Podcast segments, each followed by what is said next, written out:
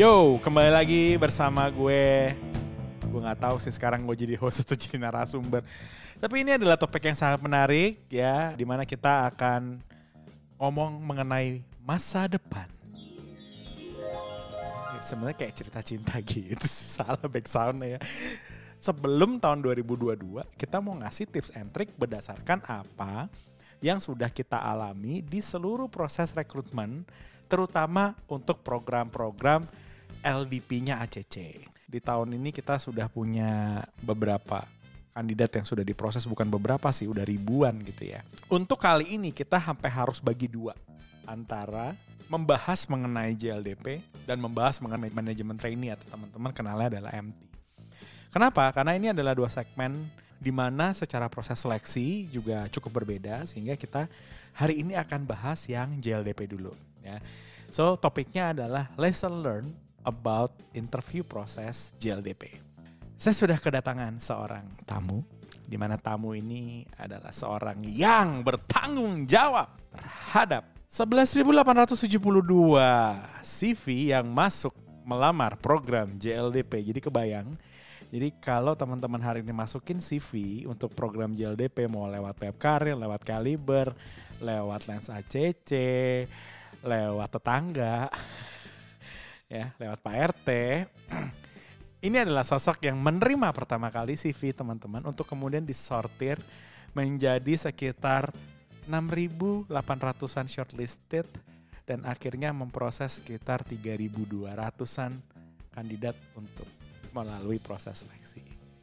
Jadi siapakah tamu kita malam ini? Kita tampilkan. Tawa lagi lu. Siapa nih? Halo, aku Sonia dari tim rekrutmen ACC. Tadi katanya JKT48. Oh, jangan dong mas, itu kan di balik layar aja. Oke ya, jadi Sonia pertama-tama congrats. Kok congrats sih? Wah, Enggak apa ya? nih yang mau dirayakan nih? Karena proses rekrutmennya kita bisa apa ya? Kita bilang mungkin belum sepenuhnya selesai karena kandidat-kandidat terakhir masih belum masuk ya Sonia. Benar. Tapi kayak seluruh yang tadi gue sampaikan ya 11 ribuan kandidat itu sudah diproses sama lu bener gak? Benar banget mas. Dari awal tahun ya sampai sekarang kita mau masuk ke batch terakhir. Kurang Hmm. lebih seperti yang dijelasin mas Oto tadi jumlahnya. Betul. 11 ribu pun itu yang bisa lo proses ya, nggak bisa lo proses ada ya Sonia. Wah, iya. Nggak ada nomor teleponnya, nggak ada alamat. Ini gimana cara kita proses gitu ya? Iya benar. Nggak bisa dihubungin, alamat email invalid dan lain-lain. Itu Hmm. pasti angkanya di atas itu.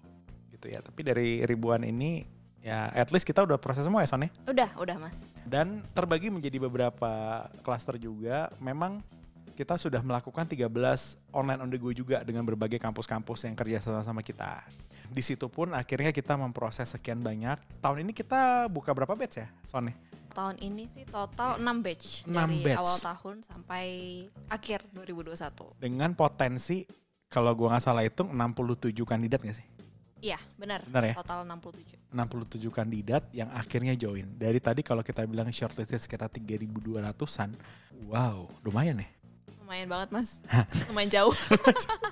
sukses rasionya cukup menarik untuk dilihat tapi kita nggak mau ngomongin kenapa itu rendah dan lain-lain kita lebih pingin ngasih insights buat yang talents ya teman-teman youngsters hari ini. Yang kayak tahun depan gue kayaknya pengen lamar banget deh tuh JLDP gitu ya. Banyak banget mungkin yang berminat ya dan penasaran gimana sih caranya kalau mau keterima gitu. betul. Karena tadi 11.000 pun belum termasuk yang melamar di hari ini loh. Ada loh. Iya. Lo gak proses tuh Dan ini 2021 belum berakhir. belum berakhir loh gitu ya Iya. Artinya buat teman-teman yang masih ngelamar-ngelamar juga ya ini bisa didengerin juga nih yang hari ini melamar JLDP tapi mungkin belum diproses gitu ya. Nah karena kita akan bahas lesson learn. Mungkin kita bisa bahas dari hal yang paling sepele dulu ya Son ya. Dari hal yang paling sepele sampai hal yang nggak sepele itu sebenarnya bisa membuat kandidat ini nggak lanjut ke tahap berikutnya. Betul ya? Iya. Nah kalau dimulai dari hal yang paling sepele dulu nih Son. Apa sih yang biasanya bikin mereka itu nggak lanjut gitu? Hal paling sepele ya Mas ya, yang mostly terjadi di kalangan kandidat-kandidat atau anak-anak muda lulusan baru sih paling di skip email kali ya. Ah, skip Oh. email tuh gimana tuh? Iya, soalnya kan kita akan mengundang mereka, ya katakanlah proses awal kita undang untuk online test atau Iya. mungkin apply web karir itu kan via email ya. Dan Hmm. sering kali skip nih ketika sudah lewat periode atau jadwalnya baru baca email atau sudah beberapa hari kemudian ketika proses sudah berjalan baru cek email kan kayaknya sayang aja ya kesempatannya lewat gitu aja sementara proses rekrutmen terus berjalan hal-hal itu paling sepele tapi sering terjadi mas believe it or not Wow, email ya. email benar Gak nyangka banget gak sih kayak email artinya gini. Kandidat itu terima email tapi mungkin gak kebaca. bisa jadi Bisa jadi masuk ke spam gak sih? Jadi juga masuk ke spam. Ini disclaimer ya sebelum kita proses di rekrutmennya kita biasanya share materi promosi tuh Heeh. biasanya melampirkan juga timeline kegiatannya dan kita selalu himbau. Jangan lupa untuk keep update sama info-info selanjutnya dari ACC yang biasanya kita infokan via email. Kita harapkan bisa meminimalisir nih mas. Teman-teman yang mungkin bisa skip email atau mungkin lupa cek emailnya atau mungkin masuk ke spam malahan. Betul. Betul sih, karena kita juga since pakai applicant tracking system ya Son ya. Mm-mm. Itu kan email dikirim sama sistem ya. bener Artinya sistem itu juga sudah dikunci berdasarkan timeline yang kita buat gitu kan Betul. sebenarnya kan dan Mm-mm. begitu udah skip satu biasanya dia ketinggalannya lumayan jauh jadinya secara proses jadi nggak terlalu smooth akhirnya ya ketinggalan dan ya udah gitu ya iya itu banyak ya banyak mas seperti itu gue lagi coba pikirin ya apa sih yang membuat mereka skip email satu emailnya banyak dua dia pakai email orang lain dia pakai email kakaknya bisa jadi apa dia pakai email pacarnya udah jadi mantan Waduh, berat ya. Untuk proses Eh. apply pekerjaan kayaknya prosesnya panjang ya kalau pakai email orang lain. Makanya kita himbau pakailah email kalian sendiri ya yang terkoneksi ke smartphone mungkin yang bisa diakses kapan aja gitu. itu penting sih karena hari ini kayak lo bisa ngatur accessibility email lo ke smartphone gitu kan ya dan Mm, bisa lebih dari satu email gak sih Son? bisa aja. Ya kan ya? Karena gue sendiri punya tiga alamat email sebenarnya. Eh, Wow, wow, wow. Buat apa tuh satu Mas? buat kalau boleh kerjaan, satu buat sosmed, satu untuk main, satu buat game. Eh tapi itu wajar gak sih kayak anak zaman sekarang punya lebih baik lebih dari satu email gitu ya? Ya sah-sah aja sih, Ya kan asalkan ya? tetap keep update aja. Buat teman-teman gini, pastikan bahwa email yang kalian daftarkan di sistem rekrutmen adalah email utama yang paling sering kalian cek gitu ya. Bener. Yang ada notifikasinya. Ya, kalau perlu dalam tahapan rekrutmen pada saat notifikasi email itu handphonenya dibikin nada getar yang paling kenceng gitu sih? Iya. Vibrasinya jadi kayak eh goyang-goyang gitu. itu hal yang cukup menarik sih fakta dari Sony yang gue pikir ada yang nggak lebih sepele ternyata yang sesepele ini pun bisa membuat teman-teman kandidat itu jadi nggak keproses ya Sepele tapi fatal. Sepele fatal oke nomor satu email ya teman-teman ya coba dari sekarang mungkin kalau emailnya masih pakai eh, email-email banyak gitu ya teman-teman coba bikin alamat email profesional deh satu gitu ya minimal untuk udah mulai masuk ke dunia kerja gitu nah mungkin rada naik sedikit Son apa nih yang mungkin masih sepele tapi kayak masih suka kejadian apa Son Ah, sepele level 2 kali ya Mas kita bilang. sepele ya. level 2 nih Tadi kan masih proses awal banget, masih penjajakan, masih pre-screening. Nah selanjutnya mungkin sudah lanjut ke tahap interview nih. Mm. Nah di masa pandemi kan kita eh, fokuskan semuanya serba online ya mas ya. Mm. Nah ketika online interview tuh masih ada aja ya yang jaringannya kurang lancar atau waktu zoom interview patah-patah dan kita sebagai rekruter emang interview tuh jadi kayak kurang lancar. Jadi yang kita tangkap dari dia juga nggak maksimal. Nah itu menurut aku sayang banget sih. Betul sih. Gua sih ngalamin banget sih. Kayak mau sabar tapi gua nggak bisa memungkiri bahwa akhirnya mood gue rada hilang, bener gak sih? Lo Benar. ngalamin gak sih kayak karena kita juga udah, maksudnya kita kan juga udah jadwalin minimal hamin satu ya Son ya. Itu udah paling mepet banget. Udah paling mepet satu. banget gitu Iya. ya. Artinya mungkin youngsters atau teman-teman bisa mempersiapkan diri di tempat yang sebaik mungkin gitu ya. Kadang ada juga yang, aduh kak mohon maaf nih, kresek-kresek saya lagi di kaki gunung Galunggung gitu.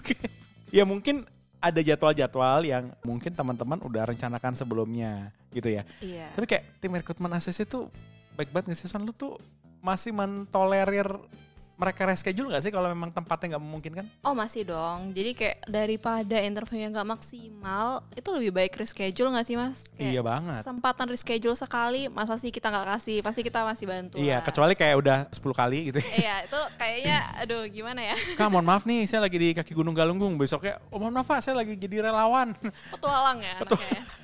Adventure banget. Adventure banget kayak slogannya ACC. Yoi. Ya, saya lagi mencari apa gitu ya. Maksudnya itu kayak jadi sesuatu yang teman-teman bisa atur sejauh memang masih dalam batas kewajaran ya. Benar banget. Kita masih Reschedule, bisa reschedule. tolerir lah. Eh, Daripada sinyalnya juga nggak jelas. Mm-mm. Kita bukan tim rekrutmen yang sehoror itu gak sih?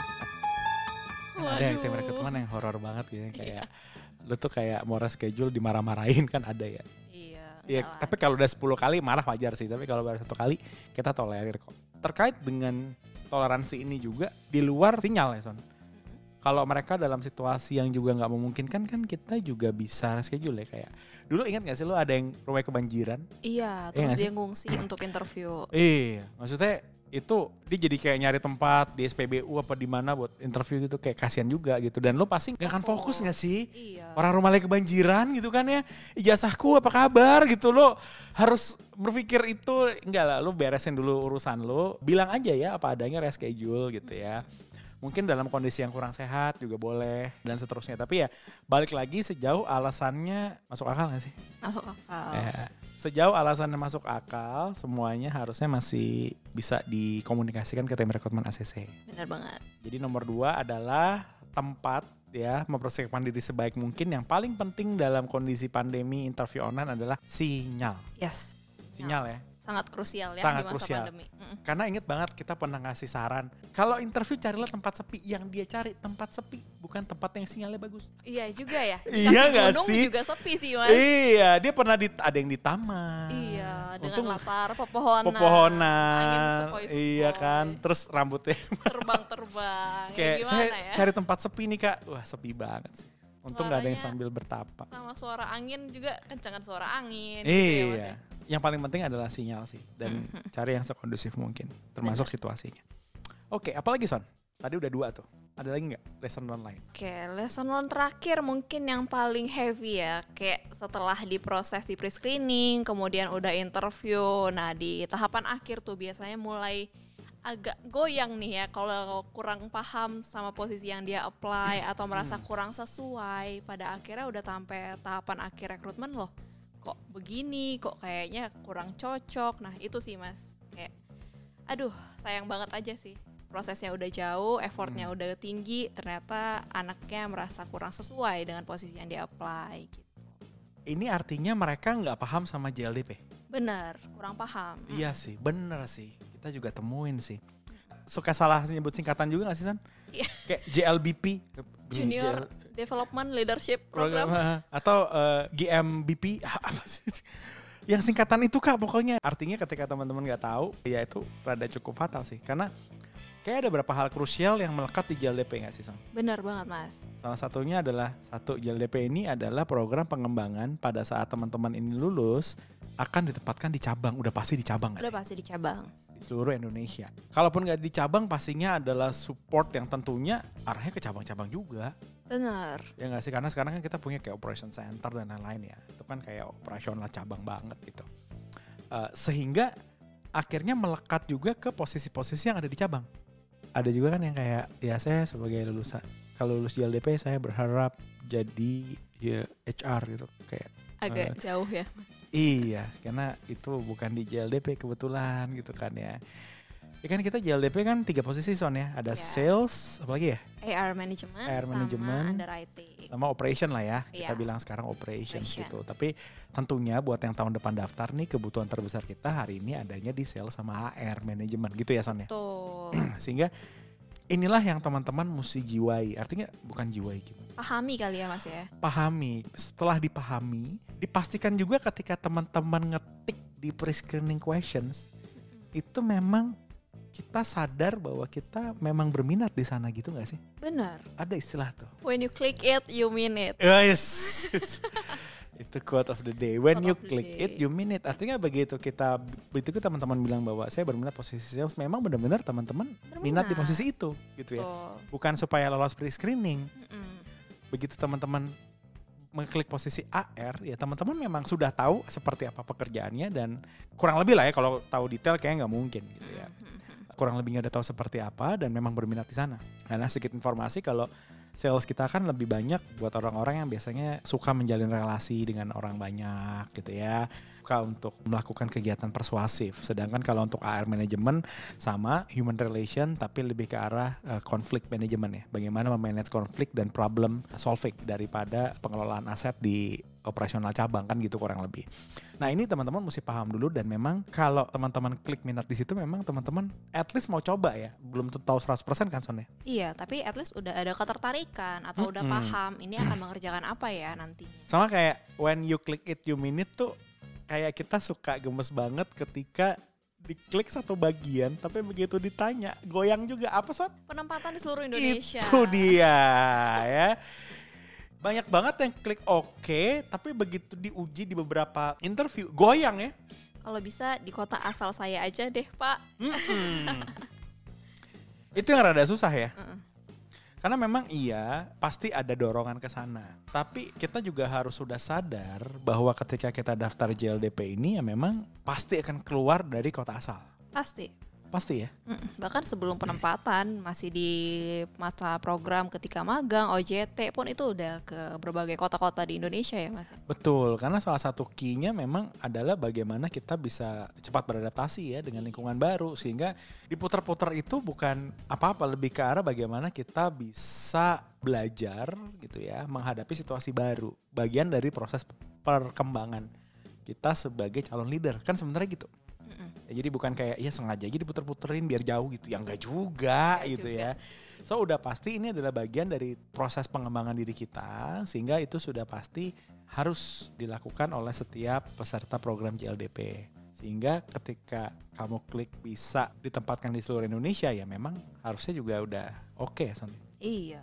Terus gimana kalau misalkan dia nggak berminat nih Mas untuk penempatan seluruh Indonesia? Ya ada program lain Ada ya. program lain. Iya, jadi kayak-. Heeh, kalau lo nggak suka sama sesuatu jangan dipaksain kurang lebih gitulah. Iya, benar. Walaupun pekerjaan ini, gue nggak bilang bahwa pekerjaan itu akhirnya adalah suka atau nggak suka. Selalu ada hal yang nggak kita sukain akan kita lakukan di pekerjaan. Itu webinar yang lain lagi nanti gue Iya. bisa bahas di podcast lain gitu. Kayak gue udah baik bahas itu ya. Tapi kayak ya at least lu tahu dan lu mau melakukan itu. Kayaknya gitu Son ya. Tahu dan mau melakukan. Ya. Eh, dan satu lagi ketika memang kita sudah mau melakukan itu, kayaknya untuk teman-teman zaman sekarang mesti ada satu lagi tuh yang dilakuin Son. Apa tuh Mas? Kadang anaknya mau yang nggak mau siapanya. Orang tuanya. Nah, itu dia. Iya sih. Iya nggak sih?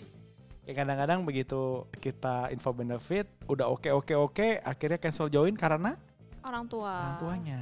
Ya jadi buat teman-teman yang mau ngelamar JLDP sekarang, rasanya udah harus disampaikan juga ke orang tua bahwa saya akan jadi anak rantau. Mm-mm. Gitu ya. Saya akan jadi salah satu calon leader di cabangnya ACC nih.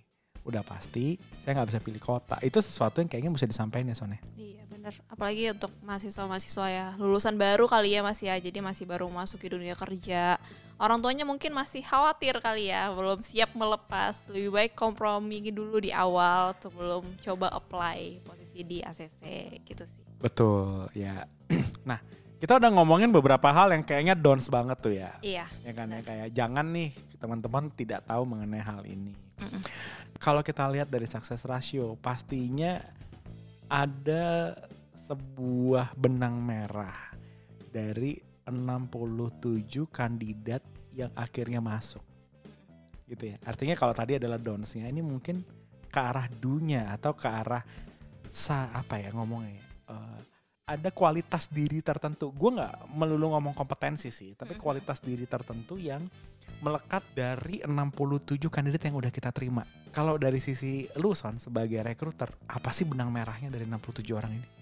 Oke, benang merah kandidat untuk posisi JLDP ya Mas Yes. bahasnya. Yes. Yang aku lihat sih ya, kita lihat ini posisi untuk level koordinator di cabang. Lulusan baru dalam pas setengah bulan udah harus penempatan, memimpin tim di cabang. Yang Yes. pasti yang dibutuhkan adalah kemauan dan kemampuan untuk fight kali ya Mas ya. Oh. Fight untuk adaptasi dan belajar di lingkungan baru dalam waktu yang cukup singkat. Itu penting banget sih. Oke, fighting spirit ya. Fighting spirit. Ya, kalau bahasa Indonesianya adalah semangat berantem. Daya juang. Daya ya. juang. Semangat berantem. daya juang. Hei, salah hei ya, daya juang ya. Daya juang. Jadi buat teman-teman Daya juang itu adalah kata kunci dari Kak Sonia. Ini yang rekor 67 orang ini. 67. Jadi hari ini dapat daya juang tuh di mana ya Son? Daya juang ya. itu dapat dari mana sih Mas. gitu? Macam-macam bisa dari organisasi mungkin ya Oke. sebagai lulusan baru kayaknya itu yang paling deket sih organisasi atau mungkin ketika kuliah mengalami kesulitan-kesulitan sehingga mengharuskan dia untuk fighting lebih nih daripada teman-temannya yang lain misalnya dia harus Ah. ambil kerja atau cari-cari beasiswa atau apa pun lah bisa macam-macam Jadi bagaimana mereka di, men- mungkin ditempatkan atau menempatkan dirinya dalam posisi sulit, Mm-mm, benar men-challenge diri men-challenge sendiri. dirinya. Karena kadang ada yang kak aku tuh udah cari challenge di mana-mana tuh nggak ada. Hmm. Saya kayak semua kasih gue kemudahan. Oke, di organisasi mudah, di Iya. kerjaannya mudah gitu kali ya. iya, semuanya mudah. Hidupnya mudah. Pertanyaannya, ACC ngasih peluang gak sih buat dia menemukan challenge-nya di sini sebelum dia lulus? Magang kali ya, Mas. Magang, bener Magang juga sih. loh. Iya magang ya. Mm-mm. Kita punya banyak banget kesempatan untuk magang. Dan itu udah pasti ada challenge-nya gak sih? Oh banyak dong, soalnya Ah. magang di ACC itu gimana ya bilangnya? Hai anak magang, gimana rasanya nih? Kebetulan produser kita anak magang, gimana rasanya magang di ACC? Sangat challenging pasti ya, itu terlihat dari ekspresi Dia wajahnya. hanya eh, memerah mukanya gitu ya. Eh, ya. Challenge-nya pasti ada, Pasti bener ada, sih. pasti Challenge-nya ada. pasti ada gitu ya. Kayak kita juga punya inkubator. Ini buat teman-teman yang ada di Jogja nih. Hey, kaum Jogja, teman-teman yang ada di Hey. Jogja, kita punya satu inkubator yang namanya DOC ya. Di sana teman-teman bisa latihan untuk ya merunning proses bisnis ACC as freelancer. Ya nggak sih Son? Benar. Itu kayak opennya gede banget lo tuh bisa cari kesempatannya itu mau datang ke kantornya di Petung bisa ya mau lihat lens ACC bisa mau ngikutin FB Ads saya juga bisa dan lain-lain udah ada baliho balihonya juga Oh iya, di seluruh di penjuru kota Jogja beberapa ya. titik di Yogyakarta so eh tapi ini kayaknya kalau kita bahas kepanjangan Kepanjangan kita sih. bikin sesi khusus gak sih Oh boleh banget. Ya kayaknya nanti kita akan bikin sesi khusus teman-teman dengerin aja karena kita akan kupas tuntas kayak apa teman-teman yang mau punya kesempatan menjadi freelancer di DOC Jogja untuk mendapat challenge siapa tahu dari dapat challenge di situ jadinya jadi melatih diri jadi punya daya juang bener gak sih? Benar, jadi punya cerita nih untuk dijual Bener ketika banget. memasuki dunia kerja. Benar banget. Oke so dengerin nanti ya sesi Jogja ya kita akan bikinin khusus buat teman-teman yang ada di Jogja. Oke. Yeay! Sehingga akhirnya ya pilihan untuk men-challenge diri itu adanya di diri kita masing-masing ya. Kecuali buat teman-teman yang memang hidupnya udah struggle kayak kalau lo nggak ngelakuin ini besok lo nggak kuliah gitu. Ya nggak sih? Kan ada juga teman-teman kita yang kita kemarin gitu ya. Ada, ada. Ya kan ya, yang harus berjuang kayak bantu bapaknya jualan itu ada ya, ada banget ya.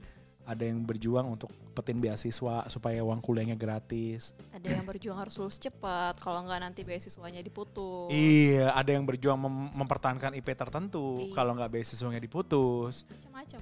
Ya itu kalau gue bilang natural challenge yang udah mereka dapetin. Tapi bukan berarti teman-teman yang nggak punya kesulitan itu kemudian nggak bisa men-challenge dirinya gitu ya untuk jadi punya daya juang. Gitu. Sesimpel lu mencoba untuk menghindari kemudahan-kemudahan yang udah didapat. Karena hari ini kayak kemudahan itu jadi sesuatu yang apa ya menggoda gitu untuk ya udahlah udah gampang kok semuanya gitu kan ya. Misalnya contoh kayak tadi Sonia bilang kuliah 4 tahun. Ya iya sih kuliah tuh lo dibayarin gitu. Eh, mau lima tahun 6 tahun tapi berani nggak kita challenge diri kita bahwa bilang ke orang tua bilang eh Pak Ma bayarin gua kuliah 4 tahun aja. Kalau lebih dari itu gue bayar sendiri. Wah itu kan challenge ya. Challenge. Itu kayak mungkin orang tua kalian akan siapa yang ngajarin kamu? Podcast dobrak pak. Disebut lagi mas nama kita berdua. sih? disebut nama kita berdua gitu kan ya. Ya jadi eh tapi itu sesuatu yang mungkin eh, nggak pernah didapat gitu ya bahwa akhirnya kan ada ya ada nggak sih kayak gitu ada nggak sih kandidat kita yang gitu Ada, ada, ada, ada banget. ada banget yang kemarin Iya. cerita sama lo yang cari data ya kalau nggak salah Cari ya data, ya, men-challenge untuk cari yang lebih lah, melampaui target yang ada di depannya. Soalnya Iya. kan kalau bicara target ya bisa aja kita capai sesuai yang kita tetapkan di awal, tapi ya kenapa nggak lebih gitu. iya kalau misalnya bisa men- bisa untuk dapat yang lebih kenapa enggak gitu ya itu sesuatu yang kayaknya eh, jadi benang merah yang gua rasain juga sih eh, ketika interview gitu ya. Gua akan cenderung, eh gila nih kita buka dapur banget loh ini. Bukan dapur banget. Ini Bukan udah bocoran banget sih. Bocoran banget. Hah? Calon-calon kandidat mendengarkan ini mereka tuh udah dapat kayak setengah modalnya nggak Iya sih? gak sih? Iya bener sih, karena bener kayak gue baru reflect dari yang lu bilang tadi, fighting spirit daya juang ya. Gue prefer temen-temen yang rasanya minimal pernah berjuang di hidupnya gitu loh, kalau untuk JLDP ini. Untuk dapat sesuatu yang mungkin sulit dia dapat gitu. Dan masih itu ada waktu, masih ada waktu. dan itu bener banget, bener baca. So bener kata Kak Sonia barusan masih ada waktu teman-teman. Buat teman-teman yang udah ngelamar JLDP, buat yang tahun depan kayak ih JLDP tuh gue banget gitu ya. Masih ada waktu untuk men-challenge diri kalian masing-masing supaya ketika nanti ditanya sama di interview HC1 sama gua gitu ya atau sama Kak Sonia atau sama Kak Bella nanti teman-teman sudah punya cerita gitu ya.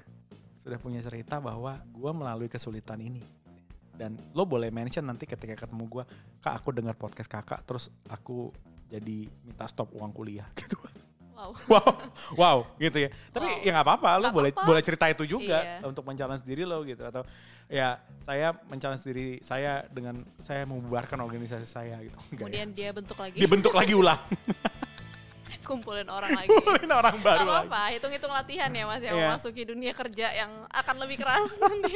atau ya dulu target saya cari dana 20 juta saya naikin 50 juta gara-gara denger Kak Sonia Gak bisa apa-apa jadi ya banget, Gak apa-apa, gak apa-apa. Iya, itu sesuatu yang boleh teman-teman nanti ceritain, tapi rasain deh bahwa daya juang itu yang akan membentuk diri kita, membentuk kualitas diri kita, sehingga mudah-mudahan tahun depan kalau ada proses JLDP, teman-teman adalah orang yang kami cari. Setuju.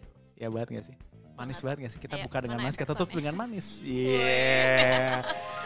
So, kayaknya kita ke WC udah banyak banget nih, Kak Sonia. Iya. Ada tiga hal tadi yang downs, ada satu hal yang kita sebut sebagai apa ya, kualitas dasar yang sebenarnya ada di teman-teman yang hari ini sudah bergabung dengan kita di program JLDP di tahun 2021.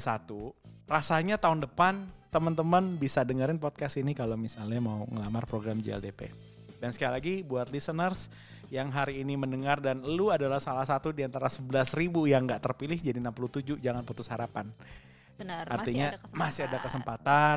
Terus semangat, jangan-jangan teman-teman dengar dan merasa, eh kayaknya waktu gua interview gua kurang daya juang sih. Gitu ya. ya silakan teman-teman boleh menarik key takeaways dari podcast kali ini. So thank you banget Kak Sonia Thank untuk insight-nya di akhir tahun ini. Wah. Wow, kayak besok Happy New Year gitu. Enggak ya, pada masih dua Masih bulan lah, lagi. masih, Masih Mas. lama ya gitu ya. So sekali lagi teman-teman kalau mau reach out kita boleh dengerin Dobrak, boleh ke Lens ACC, boleh ke LinkedIn-nya ACC. Habis ini kita nggak cuman buka JLDP, kita akan buka key takeaways dari interview MT. Oh. Kita akan buka key takeaways dari FGD Ya di tahun ini dan kita akan buka key takeaways dari psikotes online. Oh, lengkap banget ya. Lengkap banget, paket lengkap lu mesti ikutin supaya tahun depan lebih siap untuk masuk ke program-program leadershipnya ACC. So sekali lagi thank you buat teman-teman. Gue Oto. Aku Sonia. See you on next episode. Bye. Bye.